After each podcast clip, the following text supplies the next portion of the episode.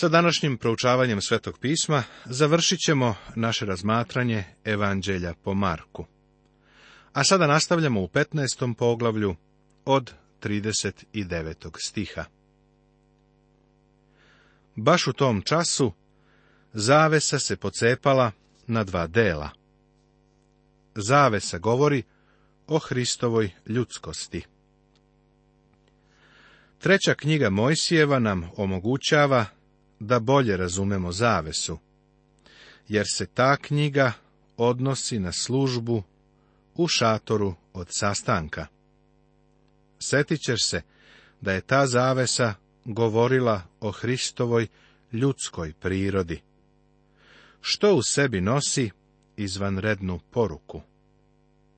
Vidiš, Hristova ljudska priroda ili Hristov život odvaja nas od Boga. Njegov bezgrešni život ukazuje na to koliko je naš život grešan. Onog trenutka kada je on umro, ta zavesa se pocepala. Njegova smrt nas dovodi ka Bogu, prijatelju, a ne njegov život.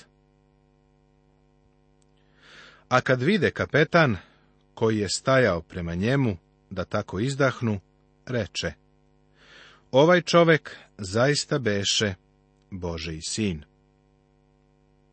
Verujem da je ovo bilo priznanje vere ovoga kapetana. I to je bilo najviše što je on u tom trenutku mogao da učini.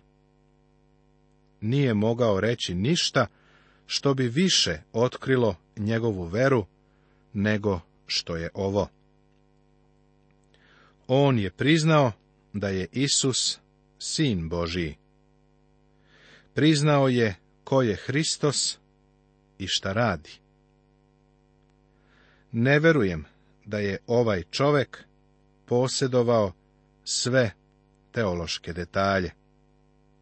Ovaj čovek nikada nije pročitao neku trotomnu knjigu teologije, niti jednu moju knjigu, ali je znao dovoljno da zauzme mesto u podnožju Hristovog krsta. A to je ono što je Bog ikada tražio i od jednog grešnika. Traži od nas da mu priđemo verom. Treba da se prisjetimo da je ovo bio paganin rimljanin i da je obavljao okrutni posao razapinjanja ljudi. U ovom momentu je svakako bio vrlo nežan. Sada čitamo o ženama koje su bile prisutne. A posmatrahu iz daleka i žene, među kojima beše Marija Magdalina, Marija majka Jakova mlađeg i Josije i Saloma, koje iđahu za njim kada beše u Galileji i služahu mu, i mnoge druge koje su s njim došle u Jerusalim. Usput da kažem da je zanimljivo zapaziti da su žene bile ostale posljednje kod krsta, a prve su došle kod groba. Ove su stajale iz daleka, tako ovdje piše, ostale su verne bile su verne do samoga kraja. U ovo vreme Isusovi učenici i apostoli su se razbežali. Ima i drugih žena koje ovde nisu imenovane, jer piše i mnoge druge koje su s njim došle u Jerusalim.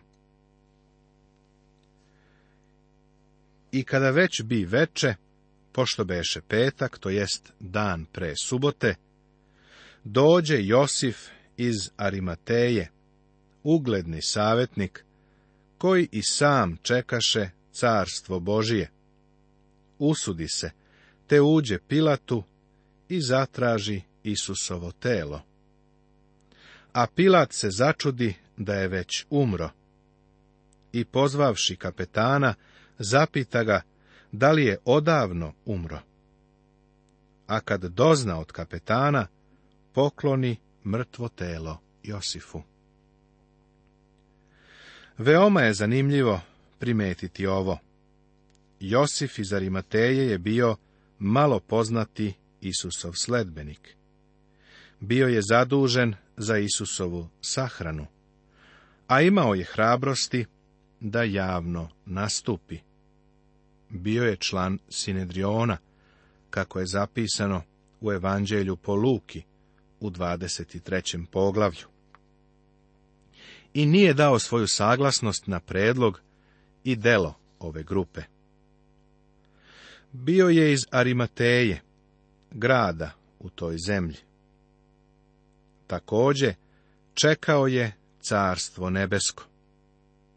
Ovaj čovek sada istupa kao sledbenik gospoda Isusa, dok su apostoli razbežani, prikriveni i Josif traži Isusovo telo. Dalje piše da se Pilat čudio što je Isus tako brzo umro. Razlog je to što je obično raspeta osoba dugo živa visila i umirala na krstu, ponekad danima. Život je lagano i postepeno isticao. Bio je to okrutan i neljudski način mučenja. Zato se Pilat čudio i posebno zainteresovao. Ali Isus je predao svoj duh. Važno je da to shvatimo u posljednjim satima umiranja zatvoreniku koji je visio na krstu, ponekad su lomili noge da bi ubrzali smrt. Ali Isus je već bio mrtav, pa nije bilo potrebe da mu se noge prelamaju. Ovo je, kao što znaš, ispunjenje proroštva, da se ni jedna njegova kost neće prelomiti. Čitamo da je Pilat Isusovo telo dao Josifu. Zanimljivo je primetiti da se za telo u ovom odeljku koriste dve reči. Josif je tražio telo, soma, grčka reč, a Pilat mu je dao telo, ptoma, isto grčka reč. Prva reč govori o sveokupnoj ličnosti i predstavlja reč pažnje i brige. Reč koja je upotrebljena kada je Pilat dao telo jednostavno znači leš. Ovo su dva različita stava prema smrti i prema telima onih koji su umrli. Reč koju je Josif koristio je reč nežnosti i pažnje prema telu. On je želeo Isusa a sve što je Pilat uradio, dao mu je leš. Kakva je samo ova razlika? Prijatelju, samo gospod Isus može da u tebe stavi vrednost. Ti i ja ne vredimo mnogo, ali je On platio cenu za naše izbavljenje. Mi stenjemo u ovim telima, ali će čak i naša tela biti izbavljena dolazi dan kada ćemo doživjeti izbavljenje našega tela. Ovo je samo mali dodatak da bismo bolje razumeli. Primeti da je Josif nazvan bogatim čovekom i da je Isusa pažljivo položio u svoj novi grob. On kupi platno, skinu ga, uviju platno i položi ga u grob, koji je bio usečen u steni, te navali kamen na vrata od groba. Ulaz na grob je zapečaćen. Rimljani su zapečatili stenu i postavili stražu rimskih vojnika. A Marija Magdalina i Marija Josijina posmatrahu gde je položen. Jedino su žene žalile. Bile su sa njim do samoga kraja. Neka Bog blagoslovi žene. Poglavlje 16. Sada dolazimo do Isusovog vaskrsenja i vaznesenja. Isusovo telesno vaskrsenje jedna je od kardinalnih doktrina hrišćanske vere. Ono je sama srž evanđelja. Svaka propoved u delima apostolskim je poruka vaskrsenja. Svaki govornik se dotakao ove teme. Rana crkva je na tome počivala neprekidno. Danas postoji oskudno pozivanje na vaskrsenje, a u nekim crkvama se samo jednom godišnje, na praznik Uskrsa, propoveda o Hristovom vaskrsenju. Vaskrsno je. To je uzbudljiva poruka koja je protresla letargični i grešni naraštaj u rimskom carstvu. Okrenula ih je na glavačke, a oni su otišli po svetu govoreći o tome. I danas bi bilo nade kada bi crkva o ovoj istini propovedala sa sigurnošću. Dozvoli mi da ovde spomenem da je ovo poglavlje bilo pod ozbiljnom kritikom značajnih kritičara. Ovo baš ovdje spominjem, da se neko ne bi pitao zašto ne govorim o tekstualnom problemu, o problemu doslovnosti. Od strane učenjaka dovedeni su u pitanje stihovi od 9. do 20. I to iz konzervativne i iz liberalne grupe. Veskot i Hort su te stihove izostavili iz grčkog teksta, ali ga priključuju u manjem obimu. Nesle sledi isti primjer, odvajajući ovaj deo od regularnog teksta. Istina je da dva pouzdana rukopisa Novoga Zaveta u celosti ovo izostavljaju. Alef i Vatikanski rukopisi završavaju Markovo evanđelje osmim stihom u 16. poglavlju. Moja namera nije da raspravljam o oblasti uvoda u Novi Zavet. Umjesto toga, ja sam zainteresovan za to da pažnju usmerim na smisao teksta. Verujem da ovih dvanaest posljednjih stihova jest deo nadahnutog svetog pisma i da ih treba tretirati kao i druge delove Božje reči. Izostavljanje ovog dela iz dva bolja rukopisa nije dovoljan osnov da se taj odeljak izostavi iz svetoga pisma, posebno kada ga svi ostali uncijali sadrže. Evo pregleda posljednjeg poglavlja Markovog evanđelja. Žene dolaze na prazan grob, anđeo objavljuje da je Isus ustao iz mrtvih, Isus se pojavljuje i Isusovo vaznesenje. I pošto prođe subota, Marija Magdalina, Marija majka Jakovljeva i Saloma kupiše mirise da dođu i da ga pomažu. Ovo je sada nedelja rano ujutro, prvi dan sedmice. One nikada nisu imale priliku da pomažu Hristovo telo. Marija iz Vitanije nije protračila mio mirise, nego su ove žene u zalud donele mirise jer kad su ih donele na grob, Isusa tu nije bilo. On je ponovo bio živ. I vrlo rano, u prvi dan nedelje, dođoše na grob, kada je sunce izašlo. I govorahu među sobom, ko će nam odvaliti kamen sa vrata groba? Pogledavši, pak videše da je kamen odvaljen, beše na ime vrlo velik. Vrlo je rano, osvit zore, a ove žene smeraju da Isusovo telo pomažu mirisima koje su kupile. Pred njima je bila poteškoća, vezana za to kako da uđu u grob, jer je na ulazu bila stena.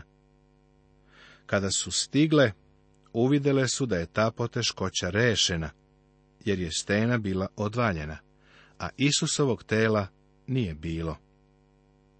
Tu je bio nebeski vesnik sa prvim objavljivanjem vaskrsenja. Činjenica da je grob bio prazan, bila je dobro proverena i potvrđena. Dokaz je bio takav da bi se prihvatio i na sudu. A kad uđoše u grob, videše mladića obučena u dugu belu haljinu, kako sedi s desne strane i zaprepastiše se. No on im reče, ne plašite se. Tražite raspetoga Isusa Nazarećanina. Vaskrsao je. Nema ga ovde, evo mesto gde ga položiše. Nego idite, kažite njegovim učenicima i Petru, da on ide pred vama u Galileju. Onde ćete ga vidjeti, kao što vam reče. Da bi se proučavale činjenice praznog groba, trebalo bi da činjenice iz sva četiri evanđelja objedinimo. Neki od podataka se nalaze u Matejevom evanđelju, a ostali su u Jovanovom. Sada bih želeo da navedem izjavu koju je dao Lord Lindhurst, predsjednik Doma Lordova u Britaniji, polovinom 19. veka. Ovaj čovjek je rekao, prilično dobro znam šta je dokaz i kažem ti, ovakav dokaz kao za vaskrsenje još niko nikada nije oborio. Ženama je jasno kazano da odu i da jave učenicima. Anđeo sigurno nije hteo da čeka da neko od učenika svrati, kao što možemo vidjeti iz poruke koju im šalje. Isus će ih susresti u Galileji, kao što je i obećao. 21. poglavlje Evanđelja po Jovanu priča nam o tom divnom susretu. Možeš zamisliti za prepašćenje ovih žena. Ostale su bez teksta. Zanemele su. Bar što se mene tiče, ovo i nije primjereno mesto na kome bi Marko završio svoje evanđelje, kako neki kritičari tvrde i izišavši pobegoše iz groba, jer ih trepeti strah obuze, i nikome ništa ne rekoše, jer se bojahu. Sada dolazimo do dela koji se ne nalazi u svim rukopisima, ali za koje verujem da jeste Božja reč. A kada je vaskrsao rano u prvi dan nedelje, javi se prvo Mariji Magdalini, iz koje beše izagnao sedam demona ona ode i javi onima što su bili s njim, koji tugovahu i plakahu. A oni čuvši da je živ i da ga je ona videla, ne poverovaše. Posle toga javi se u drugom obličju dvojici od njih na putu, kada su išli u selo. Marko nam vrlo jasno pokazuje da u ovom evanđelju nije pratio hronološki red događanja. Ali sada kaže da je ovo redosled kojim su događaji tekli. Ovde prati hronologiju. Isus se prvo javio Mariji Magdalini. Učenici uopšte nisu verovali Mariji Magdalini.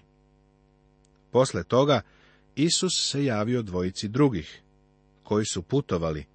Išli su u selo.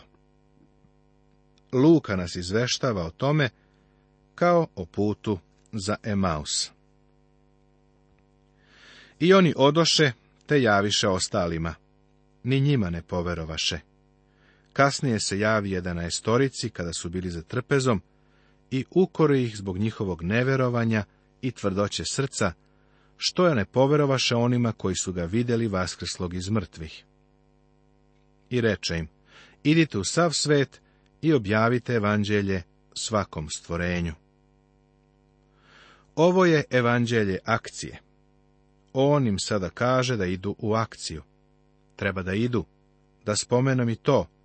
On i nama danas kaže da treba da budemo muškarci i žene od akcije za Boga. Šta ti danas radiš da bi proširio Božju reč?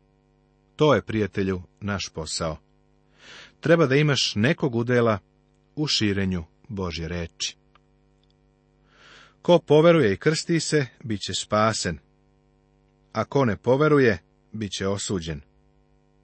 On ne kaže da ćeš biti osuđen ako nisi kršten.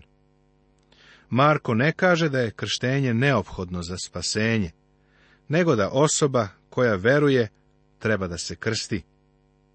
Večnu osudu donosi odbacivanje Isusa.